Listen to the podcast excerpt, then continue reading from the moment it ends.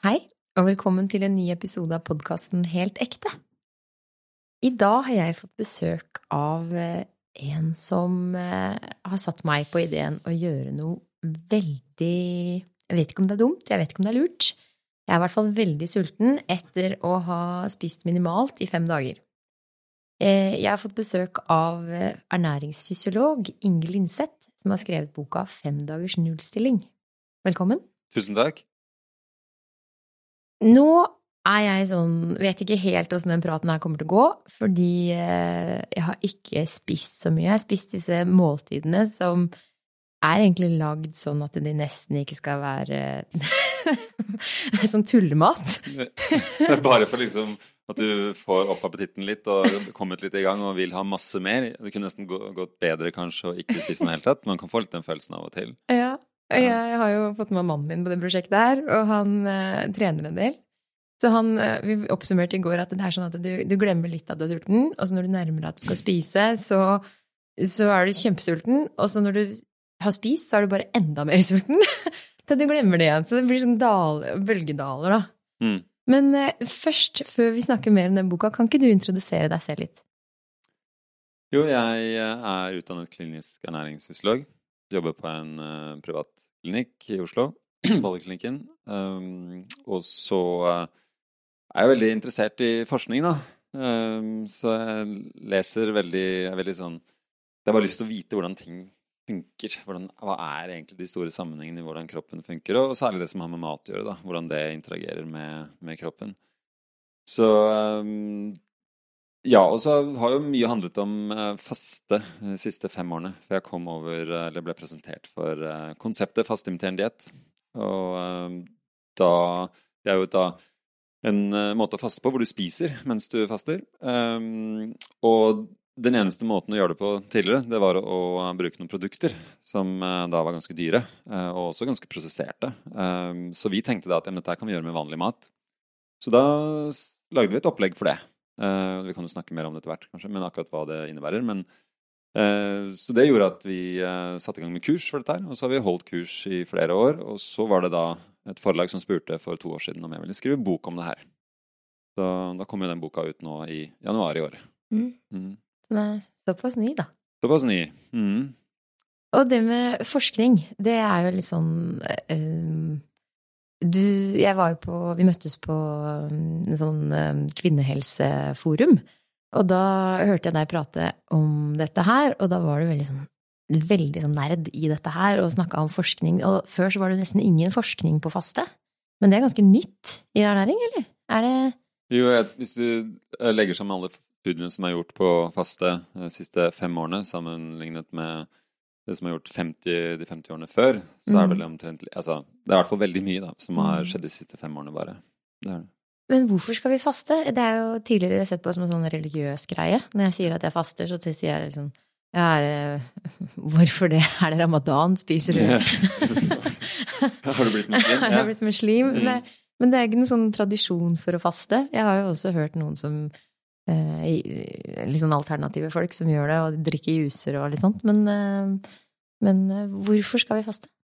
Jo, Som du er inne på, så er det jo forskjellige grunner til å, å gjøre det. Og min inngang i det er mer fysiologisk. Da, er det som faktisk skjer på cellenivå når man faster. Men, men, jeg har jo også da, gjennom å holde kurs og få tilbakemeldinger fra folk som faster, så er det jo veldig mye forskjellig man kommer inn på som nettopp har med det holdt på å si, religiøse eller spirituelle å gjøre også. Uh, at det skjer noe med hjernen, og du blir tvunget til å, å, se på deg selv på en annen måte og sitte i det ubehagelige, og det er veldig mange ting som skjer. Og så er det sånn at fasten også da påvirker hjernemetabolismen på ulike måter. Det, det blir mer adrenalin også, f.eks. Uh, du får en litt sånn smertedempende effekt. Uh, du, hjernen fokuserer på en annen måte. Så, så det er veldig mange som først og fremst rapporterer om mer sånne mentale ting som skjer, mer enn de fysiologiske eller bedringene i symptomer. Eh, selv om kanskje det kan være veldig stor bedring på de tingene også, så er det den derre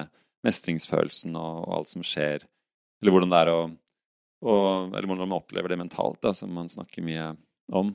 Men eh, tilbake til kanskje hovedspørsmålet ditt, eller det du spurte om nettopp, så, så er det to prinsipper man kanskje kan tenke på når man faster, av hvordan det påvirker kroppen. Den ene er at det blir en slags opprydning i kroppen. Eh, så når kroppen ikke får noe særlig proteiner inn utenfra, som man ikke får på vannfaste eller på fasteimiterende diett, så tvinges kroppen til å hente proteiner fra et annet sted. For proteiner det må vi produsere hele tiden, eh, ellers så dør vi. Så da er kroppen veldig flink til å velge proteinstrukturer som ikke fungerer så bra, først. Og så har vi da litt sånn søppelproteiner rundt omkring i kroppen, inn i cellene våre og, og utenfor, for så vidt. Som eh, da blir brukt, eh, eller som blir brutt ned, og så blir det brukt da til å bygge opp nye proteiner igjen. Eh, og hvis man da har en stor Eller ikke får, eller har ganske mye proteiner som hoper seg opp, så kan det også kan det gi litt sånn slark i maskineriet, kan man si, da, sånn at cellene ikke fungerer helt som, som de skal. Så, så det er det er én viktig ting. En annen ting innenfor det samme området der er jo hvordan eh, kroppen generelt fungerer med altså når det gjelder insulinfunksjon, eh, hvordan blodsukkeret er regulert under selve fasten. At det skjer en del bra ting i kroppen akkurat da, men som ikke nødvendigvis trenger å, å vare. Eh, men hvis du da tar en blodprøve før fasten, og på dag fem av fasten, så vil du se at det er en del ting som har gjerne har bedret seg. At blodsukkeret ligger lavere hvis du har hatt høyt blodsukker fra før, f.eks. Men det vil ikke si nødvendigvis at det vil vare etterpå.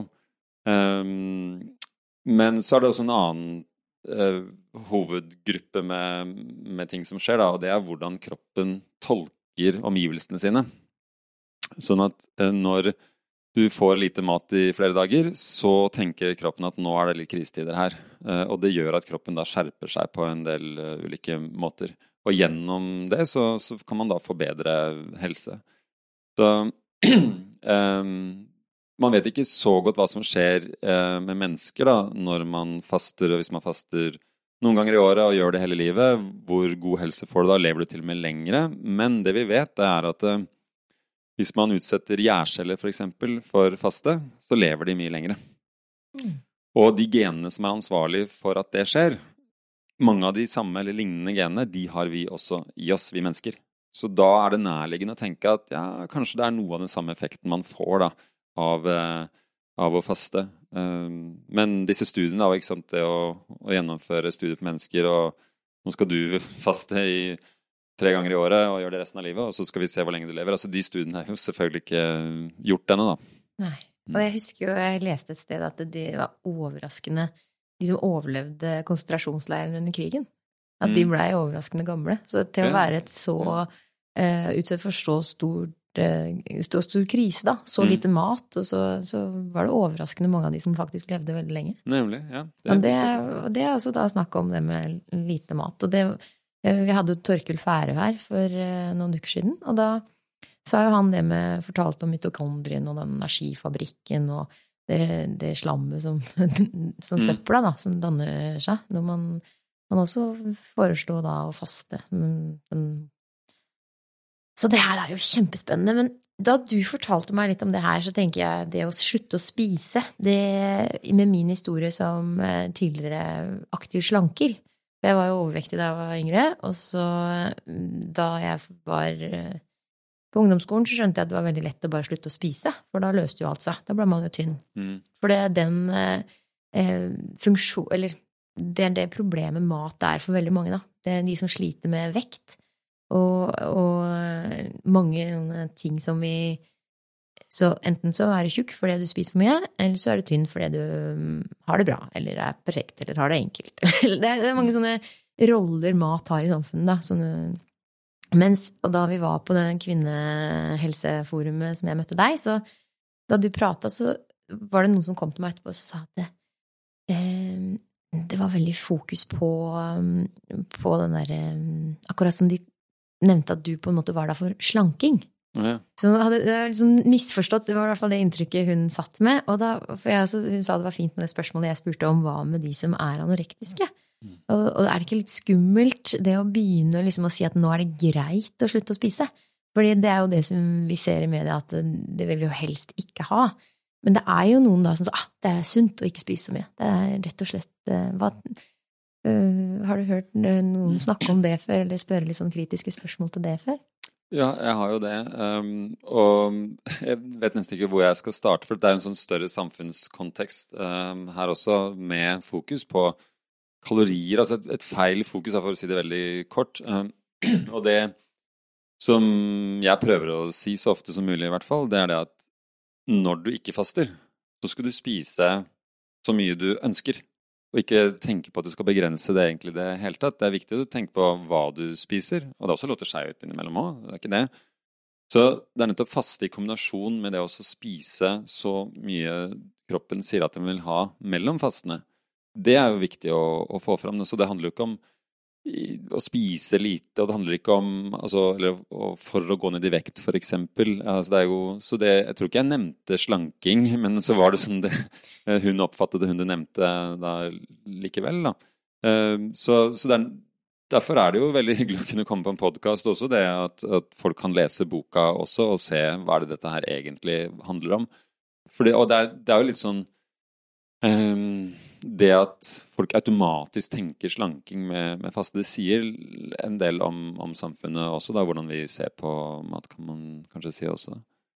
Den siste uka så har jo vi da veid oss, fordi vi er jo litt nysgjerrig på dette her. Vi utforsker hvordan eh, kroppen eh, har det, da, i alle stegene. Så snakker vi sammen, og så Mannen min gikk jo nesten to kilo ned første dagen omtrent. Og vi snakker om kanskje ikke reelle vekta opp, men væske og som er lagra i karbohydratlager og litt sånne ting. Eh, men, eh, og han er jo livredd for å miste muskelmasse, for han trener jo en del. Og så ser jo jeg da at det er jo veldig effektivt å slutte å spise. Plutselig så veier jeg jo mindre, og jeg har ikke satt jeg har ikke turt å veie meg på veldig lenge. På grunn av min historie så blei jeg mer avslappa til mat etter at jeg slutta å tenke på mm. mat. Mm. Uh, og det å veie seg, hvis jeg hadde tenkt at jeg skal sjekke, så plutselig så begynner jeg å tenke på det tallet på vekta. Og så blir man litt sånn Å, nå kan jeg kanskje spise mindre igjen. Mm. Så, så, det er sånn, en veldig rar sånn trigger eh, på Og, og jeg tror jo da at det, det handler jo ikke om uh, Sånn som veldig mange som bare snakka om vekt tidligere, så var det hva du tar inn, og hva du tar ut. Det er jo et veldig enkelt regnestykke. Sånn som i løpet av uka så har vi gått ned kilo fordi vi ikke har tatt noe vesentlig inn. Mens, mens de, og så er det jo helse, eh, Else Kåss Furuseth som har lagd det flotte programmet som heter Helsekost Furuseth, der hun veldig, veldig tydelig viser at det handler jo ikke om at hun er dum som ikke tar de rette valgene. Det handler jo om psykologi. Og, og det tror jeg er en superviktig fokus. Og det at du kommer med kunnskap om hva som er helse. Hva som er bra for kroppen vår på cellenivå for å holde oss friske. Og det er sånne ting vi trenger mer informasjon om for å få ta sånne gode avgjørelser og få en sånn god helseforståelse. da. Sånn at vi tar gode valg, sånn at vi kan liksom bryte ut av et mønster der vi ser helse ved at vi bare skal reparere når skaden allerede er skjedd. Sånn at vi kanskje kan gå inn og, øh, og forebygge, da, og leve godt, leve, være friske og leve lenger.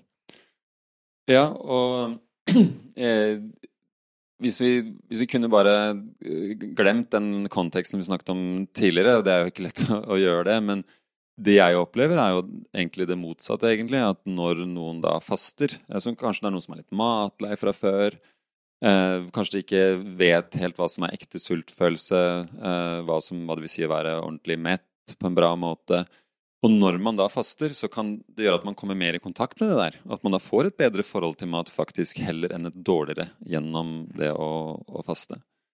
Og det tror jeg jo samme som det med ordentlig mat, da. Det å ikke ha ultraprosessert mat, og finne ut hva er egentlig ordentlig mat. Og vi er sånn ganske ensformig i hva vi spiser, så det var jo kjempefine oppskrifter også. Og så gode smaker, og det å, hvor lett det egentlig er å lage gode måltider. Nå gleder vi oss bare til lørdag. Vi skal, jo, vi skal spise masse, men vi skal jo plutselig ikke spise masse potetgull og kake og det, sånne ting. Mm. Men da skal vi lage store porsjoner av den der blomkålris med eple. Den var bare superdigg. Ja. og, så, og, så, den der ja, potetsalat der som var kjempegod òg. Så skal vi ha det som grilltilbehør, da. Men det, det, er utrolig gøy å høre, og det er mange som sier det, egentlig. Og det er jo bra retter i boka, men det er også sånn at eh, du bruker det beste krydderet som fins under fastimitterindighet, og det er jo sult. De rettene som du, du, får kanskje veldig kjært eller sånn godt forhold til de rettene der fordi at det smakte så utrolig godt under fasten. Men, men da, igjen så kan det da øke matgleden etter fasten, for det smakte så utrolig godt. Du har lyst til å oppleve det samme igjen og fortsette med de samme rettene, men kanskje da lager større porsjoner og tilsetter noe kjøtt eller fisk eller noe sånt eh, til disse rettene. Så, så det er flere som absolutt har fått eh, mer tilbake matgleden og fått utvidet eh, repertoaret av retter de lager. Da, og fått en mm. sånn, ja, veldig, eller større interesse for mat og alle mulige detaljer med mat. og liksom Akkurat det krydderet der passer der. Altså, ja, mm. At de er mer i kontakt med seg selv på den måten der. Mm, jeg tror det. Og som du nevner med det fokuset, at man, vi har jo blitt litt sånn Når vi sykler til jobb, vi sykler, og jeg har merka at oi, shit, jeg så ikke den bilen. Og mannen min også påkjørt der. Vi vet ikke om det er pga. den fasten. Ja, det var under fasten. det var under fasten. Mm. Så, så, vær forsiktig i trafikken når du faster. Eh, men på jobb så har jeg følt at jeg blir sånn veldig veldig fokusert. Og en, assistenten min har liksom ikke kommet gjennom til meg noen ganger. For da er jeg bare sånn, nå må jeg bare være i superfokus, for nå har jeg ingenting overskudd til å avse til noe annet enn akkurat det jeg holder på med. Og det er liksom sånn at når jeg jobber, så jobber jeg mer konsentrert, for jeg vet at jeg bare er på superenergisparing. Så her er det ingenting ekstra å gi. Ja, ja. Så jeg må bare skrive denne meldinga her. Og så er det sånn at vi har jo ofte en tendens til å småprate i gangene, og, og når folk kommer, så er det sånn at du slutter med det du holder på med, og så tar du en prat. Mens når jeg denne uka her har bare vært helt sånn Nei, nå holder jeg på med dette. Mm. Jeg må bare overse deg. så jeg har blitt den derre litt sånn frynsete, overlegne dama på jobb. Vi, tuller med det, de kjenner meg, men uh... ja, Det er det ikke gøy å oppleve seg selv på en litt annen måte også? Se at sånn kan også hjernen din fungere. Mm. Uh, og, men det er, er også litt uh, um, hva kan være den evolusjonære grunnen da, til at eh, hjernen din funker sånn? Altså, det stemte kanskje ikke helt med det at du blir litt mer uoppmerksom i trafikken. For det som da er vist gjennom studier, og som også er mitt inntrykk fra før, er at det, eh, det å gå og ruminere på mange ting Eller det sa du for så vidt. Altså det, det, gjør man gjerne mindre enn under en faste. Du fokuserer mer på det som er viktig. ikke sant? Ok, jeg må få mat. ikke sant? Hva skal jeg gjøre da? Det blir veldig sånn løsningsorientert. Men det burde jo også da være løsningsorientert i trafikken. ikke sant? Når du skal jage et dyr eller fange det, liksom, så må du virkelig være sharp. Men det hørtes ikke ut som jegerinstinktet der kom helt fram i, i, deg, da. Kanskje vi tenkte kanskje transportetappen er så innarbeida, så ja, den trenger ja, ikke fokus. Mens den middagen vi skulle forberede deg hjemme, det var den vi fokuserte for mye på, for da var vi så sultne. Måten å se det på. Ja. Mm. Det var ikke noe jakt på den sykkelturen. Det var etterpå. Mm. Mm. Det var nok det som var forklaringa. Men uh, det kommer jo litt sånn morsomme hendelser ut av en sånn uke, da. For det, det sånn på jobben i går, når jeg da ikke fant den matboksen jeg hadde preparert til lunsjen min, og setter hele uh, kontoret i bevegelse og lurer på hvor den matboksen er, og jeg frenetisk leter og har vært i kjøleskapet tre ganger, og så står den rett foran meg i kjøleskapet. og alle er da involvert i mitt faste prosjekt. For jeg finner jo alltid på et eller annet nytt. Dette er ukens prosjekt fra Cecilie. Og det skal gjerne ha oppmerksomhet om det. Mm. så det blei veldig gøy. Ja, du, men det var ikke hangry? Det var ikke derfor alle hjalp deg? Um. Ja, nei, det, men det har jeg tidligere hatt en tendens til å være. Uh, men det er overraskende lite nå, sånn egentlig på jobb. Hva tror du er grunnen til det? da? Jeg tror faktisk jeg har et mer stabilt blodsukker nå som jeg faster, enn jeg ikke faster. Kan det stemme? Ja, det kan jeg absolutt være. Fordi tidligere så har jeg nok Jeg har vært veldig redd for å være sulten. Og så har jeg vært veldig redd for å ha lavt blodsukker. Og så den der litt sånn der stressa tingen. Så, så hvis sønnen min også har vært irritert, så har jeg tenkt er du sulten? Er du sulten? Ja, nå må vi spise. Nå må vi ha mat. Det er veldig sånn der, det er mat er løsningen på alt. mm. ja, men det, det, det, er veldig interessant. Det, det, merker jeg på meg selv også. At, eh, at eh, det er gjerne det som er Altså, mat, det er kos, det er trygghet, det er eh, Du kan Ja. Og det er i hvert fall Hvis du faster, så kan du også tenke at ja, men ok, nå er sulten, og bare jeg får spise, blir liksom, da, det, da blir alt bra. Det, det løser alt seg, liksom. Men, men jeg har merket selv at nei, det er kanskje ikke bare det at jeg er sulten som gjør at ting er litt dritt nå. Jeg er faktisk ganske sliten. Mm. Og så slapper jeg av, og så er det sånn Nei, men jeg er egentlig ikke så veldig sulten. Nei. Så at det, det, var mer at det kom flere ting sammen som trykket meg litt ned. Ja. Uh, og når jeg fikk bort noe av det andre, så var det lettere å takle sulten. Og det er også noe med å si når er det man bør faste, og hvem bør faste også. Så hvis du har mye stress og masse forskjellige ting å tenke på, og så skal du legge da en faste på toppen av det, så kan det være at det blir litt for uh, tøft. da. Men det kan også gjøre at du da innser noen ting, at du må sitte litt i noe ubehagelig, og, og at, da, at du blir bedre til det også. da, og det kan bli bedre til å løse andre Eller å tørre å gå mer inn i ting som du trenger å, å tenke på. Jeg tror i hvert fall det er veldig bra å være litt bevisst på de mønstrene vi har. Og, og sånn som eh, jeg syns var kjempespennende med Torkil og boka hans, med at du, du, blir så bevisst på hva er det søvn gjør for deg, hva er det mat gjør for deg, og hva, hva er det det stresset i hverdagen der vi bare skal hele tiden være effektiv, noe jeg tidligere var, og da ble jeg kanskje sulten, da, fordi du er så stressa, og så har du så lyst til å ha den der eh, lunsjpausa, og så når det nærmer seg den lunsjpausa du vet du må være effektiv for å rekke den spisen, mm. så blir du stressa av det, og så er du redd, og så er, det sånn der, så er det kanskje det som tapper deg enda mer enn at det faktisk var mat du trengte. Nemlig, og det er jo også noe med at uh, det stresset som vi er vant til å ha sånn evolusjonært sett igjen, da, det er at det kan komme en uh, løve, eller uh, det at du ikke får mat, eller at det er kaldt altså det, du, kan, du, kan, dø liksom rundt uh, neste sving. Uh, og nå er veldig mye av det tatt bort, da. Og du har mat når du vil ha det, uh, og drikke og alt mulig.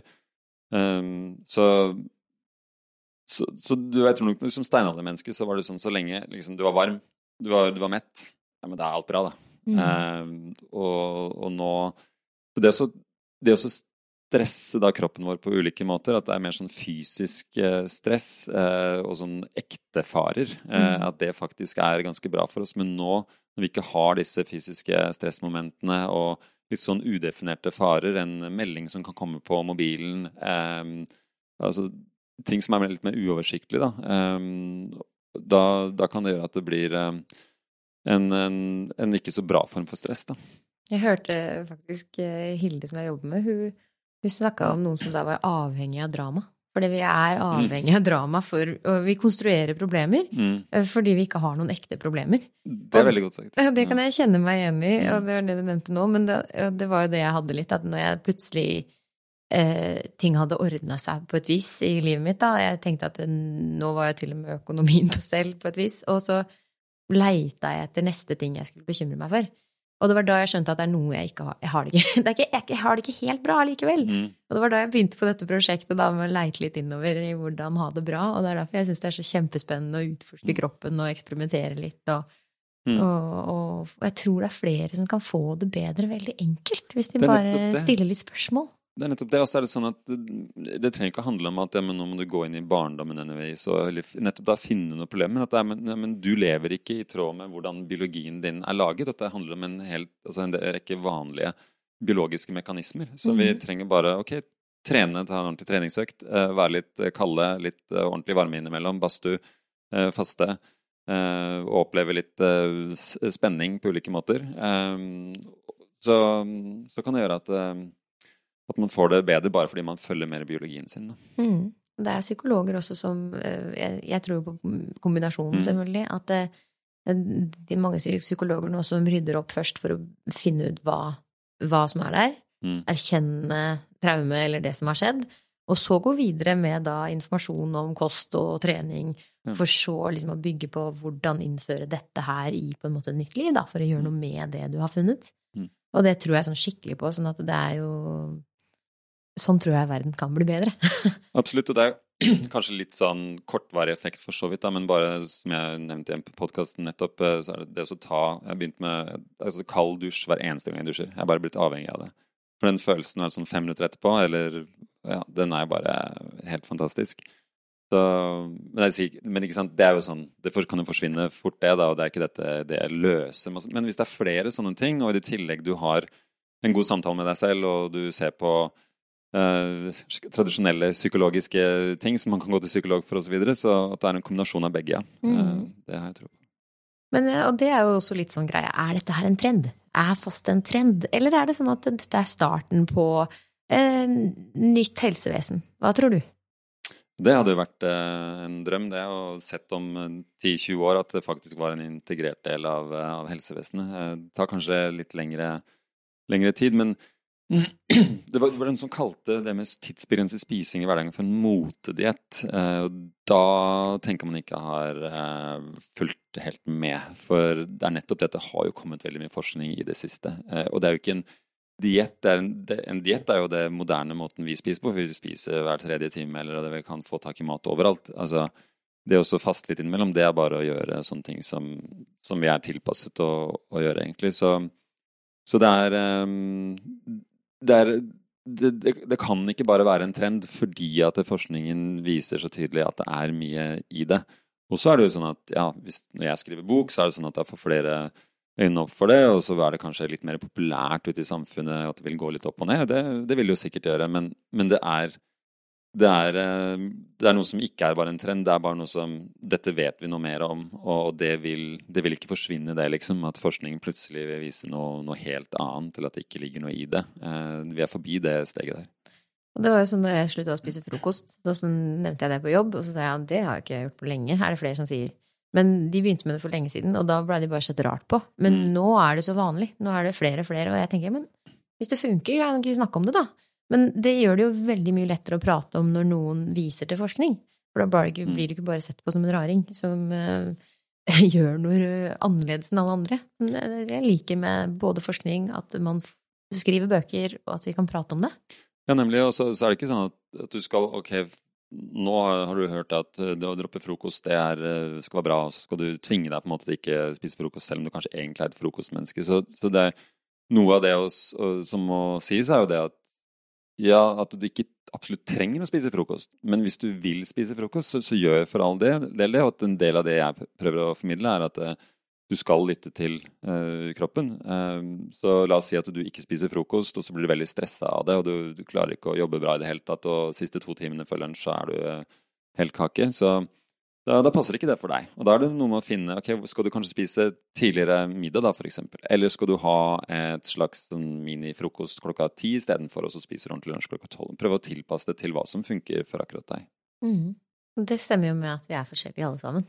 Ja, og så er det også noe med at det, eh, kan også gå litt tid, da, at du kan tilpasse deg etter hvert. At hvis du, når du skal få et nytt spisemønster og har lyst til å gjøre det, så er det sånn at det kan ikke funke så bra i starten. Kanskje du da eh, hadde spist for lite dagen før, ikke sant, og, og så kommer lunsj altfor sent. Eh, men la oss si at du spiser da ganske mye til middag. Eh, så kan du tåle å hoppe over frokosten, og det tar litt tid å, å få det litt eh, mer in synk, da.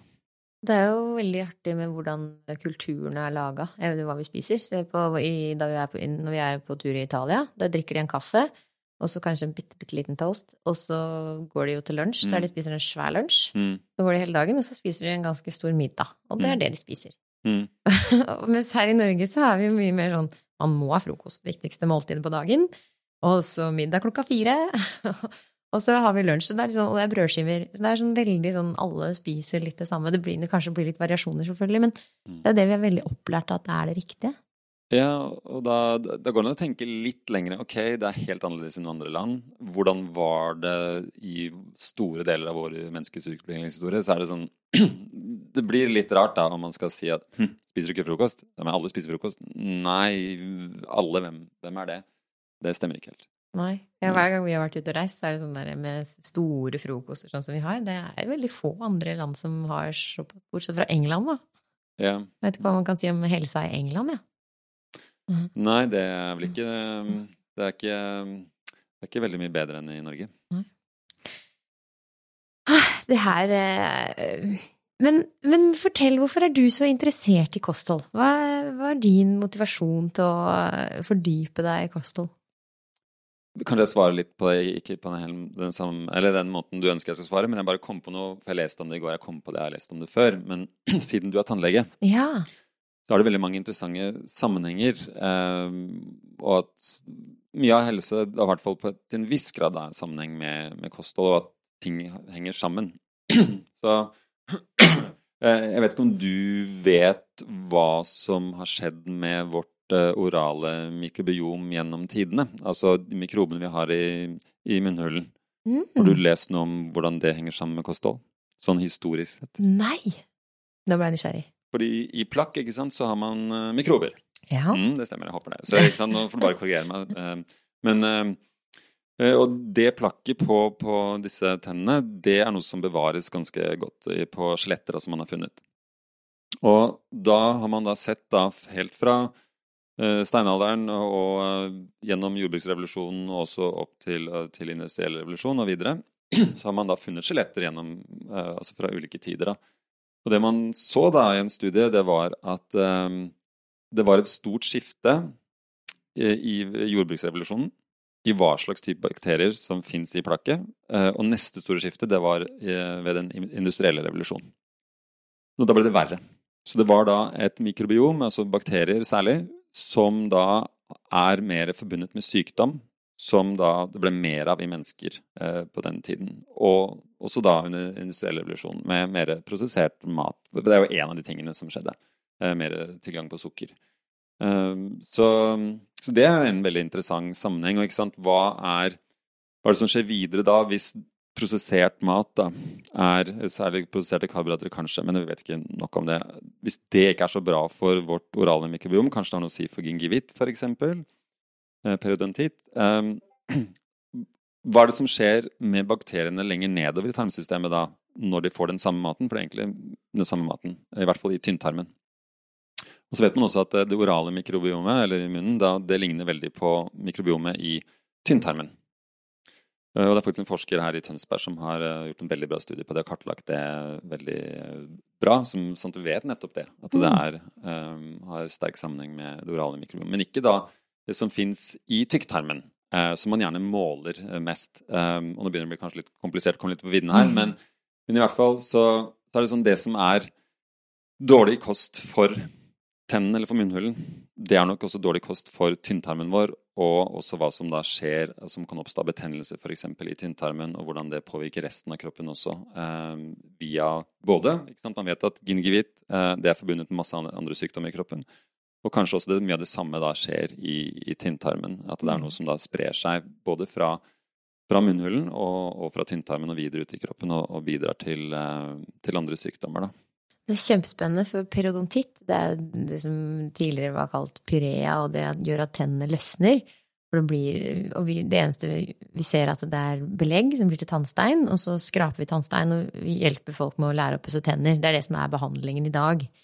Eh, og så er vi jo, sånn som etter hvert som vi snakka med, med Torkel sist også, med det med medisin og betennelser, så blei jeg jo litt nysgjerrig, sånn som du nevner, sånn mageflora og og betennelser i magetarm. Og så tenker jeg da også med betennelser og, og munnhulen. Så er det kjempespennende at det både hva vi spiser, men jeg tenker også den industrialiseringa av hvilket stress det påførte. At vi begynte på en ny måte å leve på. At det er liksom blanding av kost og en ny måte å leve på som er betennelsesfremmende. Eh, og, og, hva vi da kan At det, det ikke lenger bare At det er enda mer eh, tydelig da, at tennene og munnen er en del av kroppen eh, enn som vi prøver hele tiden å forkynne, og at eh, periodontittmysteriet, for det er jo et litt mysterium hvorfor noen bare ikke blir friske av periodontitt. Eh, og det er jo vist at det, eh, det er hos diabetikere, og vi har også sett en sammenheng med demens eh, mot, eh, og periodontitt. Og der er det tydelig flere og flere livsstilssykdommer. Tidligere var det røyking, som var eh, stor risikofaktor for periodontitt. Nå ser vi også at autoimmune sykdommer, ME, fibromyalgi Eller i hvert fall, jeg leter jo etter det, så jeg ser jo liksom sammenheng med livsstilssykdom og litt sånn uforståelig hvorfor er det såpass eh, hissig tannkjøtt her, selv om mm. du gjør en god jobb med pussing. Mm. Er, og det er der man leter, da. Så kan man jo igjen, hvis man leter for mye, så kan man jo finne en ting som ikke er mm. helt reelt. Så, men da prøver jeg å prøve å motbevise det igjen, da. Ved å være litt nysgjerrig. Men det er kjempespennende. Og når du nevner industrialisering, jeg hadde en samtale med en som har skrevet eh, um, Ole Martin Moen, som har skrevet Skolens omsorgssvikt. Og da nevner han faktisk at skolen sånn som det er i dag, er jo industrialisering av barna våre.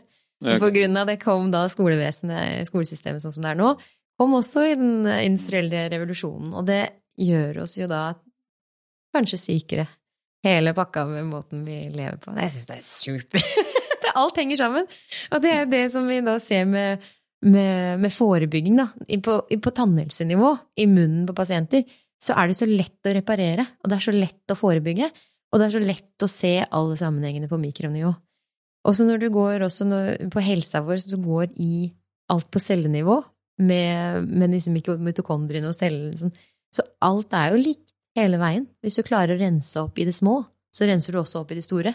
Mm. Sånn kan man se på planeten og alt. Alt må jo være bærekraftig. Alt må jo gå rundt for at ting skal være sunt og holde seg bra. Jeg er helt enig, og det er um, uh, Altså, det er mye som har kommet med moderniteten.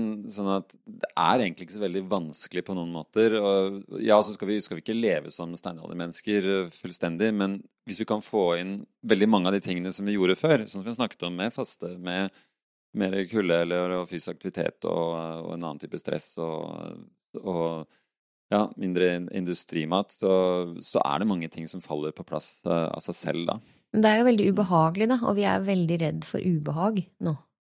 Er jo Skal helst ikke ha vondt noen gang, og eh, vi tåler jo egentlig veldig lite. Men likevel så Man skulle nesten tro at flere hadde angst for tannlegen eh, før enn nå. Men det er faktisk flere som har angst for tannlegen nå, virker det som, ja. enn det var før. Ja. Det, mens tannleger er jo snillere enn de noen gang har vært. Men det er mye angstproblematikk. Det er mye mye psykisk sykdom, eh, så det er mange som sliter med å komme til tannlegen, selv om de aldri har vært hos tannlegen. Mm. Så det er veldig mm. Ja, nå bare kommer på, som jeg har nevnt før også, det med ja, Du har kanskje sett på Kompani Lauritzen? Nei, det har jeg ikke. Men da er det nettopp det som Det er sånn jeg tolker det, da, for, siden jeg har de brillene jeg har eh, på, at det er jo noen som har sagt det. Altså, jeg har gått til psykolog i mange år og sånn, men to uker eller en uke eller hvor lenge det var da i Kompani Lauritzen, det har liksom det har vært mye bedre terapi enn det jeg har fått tidligere. Liksom. Fordi at du er sammen med en gjeng, du er sammen med stammen din kanskje, du er kald. Eh, du blir eh, snakket til av befalet på en, på en måte, tøff måte, men også omsorgsfull måte. altså, du blander det fysiske og det psykiske veldig, da. Mm. Eh, og at det er, eh, at det er en, noe som er bra for den psykiske helsen. Og det å gi motstand, og det er faktisk det med år med terapi. Vi hadde jeg har to pasienter der begge sliter veldig med etter traumer. Og hun ene har jo nå vært gjennom da, tannbehandling der vi har jobba med kognitiv terapi. Og jeg er ganske konkret i hva jeg prøver å pushe, og hun er veldig interessert i å jobbe seg gjennom å få til ting. Så hun jobber veldig bra, men sier fra når det går utover eh, hennes grenser, da. Sånn at vi respekterer hverandre. Men vi må jo komme noen vei, og hun er veldig motivert. Men jeg forstår henne, og og vi har en sånn fin måte vi jobber sammen på. Og etter at vi både har sett henne og, og forstår henne og lytter til henne, og jobber oss gjennom noe som for henne er det vanskeligste som finnes i hele verden, så har hun sagt da etter fire ganger at vi har hjulpet henne mye mer enn mange år med terapi. Mm. Men det er jo fordi det er noe som er det verste som kunne skje, men likevel så er det så viktig, da, for å se at man kan mestre. Og det med også være Vi også er jo en gjeng, ikke sant. Vi er jo et lag inne på kontoret der vi vi arbeider sammen for å få det til. Og det også gir kanskje den der følelsen av tilhørighet da, som er så viktig for oss. Det å ja, føle seg sett og føle seg hørt. Mm. Jeg er absolutt ikke noe psykolog, men, men jeg bare resonnerer veldig i det du sier nå. At det er, og vet ikke akkurat hvilke ord som ble brukt, eller hva jeg egentlig hørte, men den der, eh, det fellesskapet, da. Eh, som man har f.eks. i Kompani Lauritzen også. Eh, at det er noe som ja, vi har et fellesskap gjennom mobilene våre, og det er masse connections overalt, men det er kanskje en type fellesskap som nå også mangler litt. da.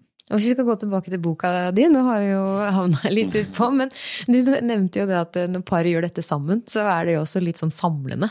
Mm. Fordi du har kanskje den der hverdagen hvor man bare suser mm. gjennom, men når man lider litt sammen og har noe å prate om. Man må mm. kanskje liksom snakke ordentlig om hvordan man har det, fordi man blir jo litt ja. Eh, susete og litt verre noen ganger. Så det kan ikke du fortelle litt tilbakemeldinger der? jo, det var jo særlig én tilbakemelding hvor det, var, eh, hvor det var parterapi som var stor store overskriften. Og det vi har hva skrevet for noe, sånn, vi har ledd og grått oss gjennom disse fem dagene og blitt bedre kjent med hverandre. Og det er bare sånn det kommer ut i den andre enden på er, er styrket da i, i, forholdet vårt. Eh, fordi ja, de måtte gjennom mye sammen. Mm -hmm. mm. Og jeg, eh, barna mine gleder meg at jeg gleder seg at jeg skal spise frokost i morgen. For i dag til morgen så var jeg verste versjonen av mamma jeg noen gang kan bli. Med å være sånn derre Nå må du gjøre det! Og så bare hører jeg meg, mm. ser meg selv utenfor, så bare sånn er ikke sånn du snakker, du gjør det bare verre. Men uh, så ta, når ting har roa seg, jeg har lagd disse matpakkene som jeg måtte ha da, for denne fasten, så, så tok vi en god prat, så ordna det seg opp. Men uh, jeg, jeg, jeg, da var det nok litt ha hangry. Mm. Ja, nemlig. Ja. Men uh, ja. Igjen, jeg nevnte jo litt i stad motivasjonen din. Hva er det som gjør deg så nysgjerrig på mat og faste? Er det, du nevnte det kanskje i stad også, at du tror på at dette her er eh, Altså Veldig kort sagt så var jeg ikke så interessert i faste egentlig før dette her bare landa i fanget mitt. Eh, og så har interessen eh, vokst derfra. Men jeg har jo alltid vært, eller i hvert fall siden jeg var sånn 21, så har jeg vært veldig interessert i ernæring. Og det er det jo flere grunner til. Men det med faste nå, så er det sånn at dette her virker det inn på så mange felter. Det har så mange tangeringspunkter med andre ting. da, Og særlig det med aldring. Hvorfor er faste bra for oss? Og at det, da er det mange andre temaer som ikke har direkte med faste å gjøre, men også stoffer i mat som har litt sånn fastelignende effekter. Og også da hva som skjer, har skjedd innen forskning når det gjelder det å faktisk bremse og til og med reversere aldring. Eh, at man satt noen gigantiske steg bare de siste par årene eh, for å kunne få til det. Altså det er ikke godt nok vist, men i hvert fall så er det sånn, det er min oppfattelse av det, og det er flere andre som eh, tenker på samme måte at nå har vi kommet veldig mye lenger der. Og da, det åpner opp for uh, mange interessante ting for menneskeheten. da. La oss si at du faktisk kan eh, reversere aldring. Og det kan jo høres veldig science fiction ut og bare sånn Hvorfor snakker Inge om det her, liksom? Men, men det er, vi består av biologiske eller dataprogrammer som kan hackes. Eh, det, sånn tenker jeg vi må se på det. At det, det er mulig å, å, få til.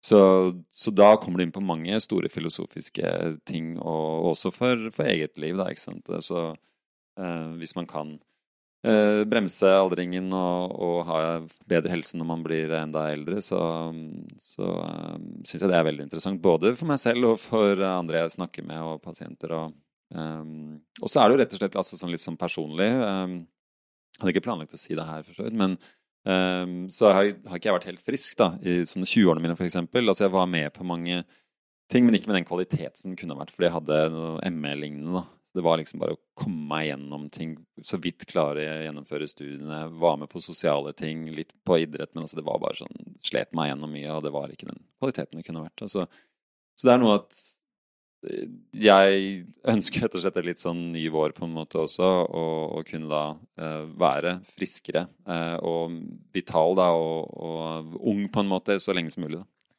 Det er ofte en ting jeg ser. Folk som interesserer seg for eh, skolesystemet, endringer, som er nysgjerrig på er det noe her som er annerledes. De har gjerne hatt utfordringer mm. Eh, som, som, leter etter Men er det noe galt med meg? Hvorfor er det noe galt med meg? Jeg burde jo være frisk. Mm. så det å liksom se til uh, være nysgjerrig på ting, da. Så mm. finner vi ut av ting òg. Altså det, er jo, det er jo litt av, eller en stor del av svaret på det du spurte mm. om. Um, at uh, det har jo med, med min helsehistorie å mm. gjøre. Det er jo, som jeg har nevnt tidligere i denne postkassen, at det er grunnen til at jeg lager podkast. Fordi jeg fant ut av som, hvorfor jeg ikke hadde det bra, og så har jeg lyst til å dele med andre. Samt som sønnen min også, som hadde utfordringer på skolen. Så lurer jeg på hva er dette her? Det var jo ikke oss som var problemet, og det var jo kanskje ikke han som var problemet, og heller kanskje ikke læreren som var problemet. Mm. Men kanskje det er noe liksom høyere opp. Ja. Så det er derfor vi stiller spørsmål, for å ikke kritisere i hytt og pine alt mulig, men bare filosofere litt og finne ut av ting sammen. Det er så mange som vet så mye. Ja. så tusen takk for at du ville komme og dele med din kunnskap og og ha en fin samtale med meg. I like måte. Det var, uh, var, bra med denne vinklingen her også. Eh, som, uh, da fikk kom noen nye ting fram. Noe som ikke har kommet frem i tidligere podkaster. Så ja. da fikk jeg lært litt også. Ja, men Så bra. Da anbefaler jeg alle å prøve. Du, da jeg kjøpte den boka av deg hos, hos Siri, så um, skrev dere 'lykke til med fem dagers nullstilling', og da tenkte jeg særlig jeg skal gjøre det her. Jeg var jo bare nysgjerrig. Men så blei jeg jo enda mer nysgjerrig når jeg leste den, så det tenkte jeg det skulle få til. Og det I morgen er vi ferdig. Gratulerer med det. Ja, veldig bra jobba. Jeg er veldig stolt. takk for praten. Takk.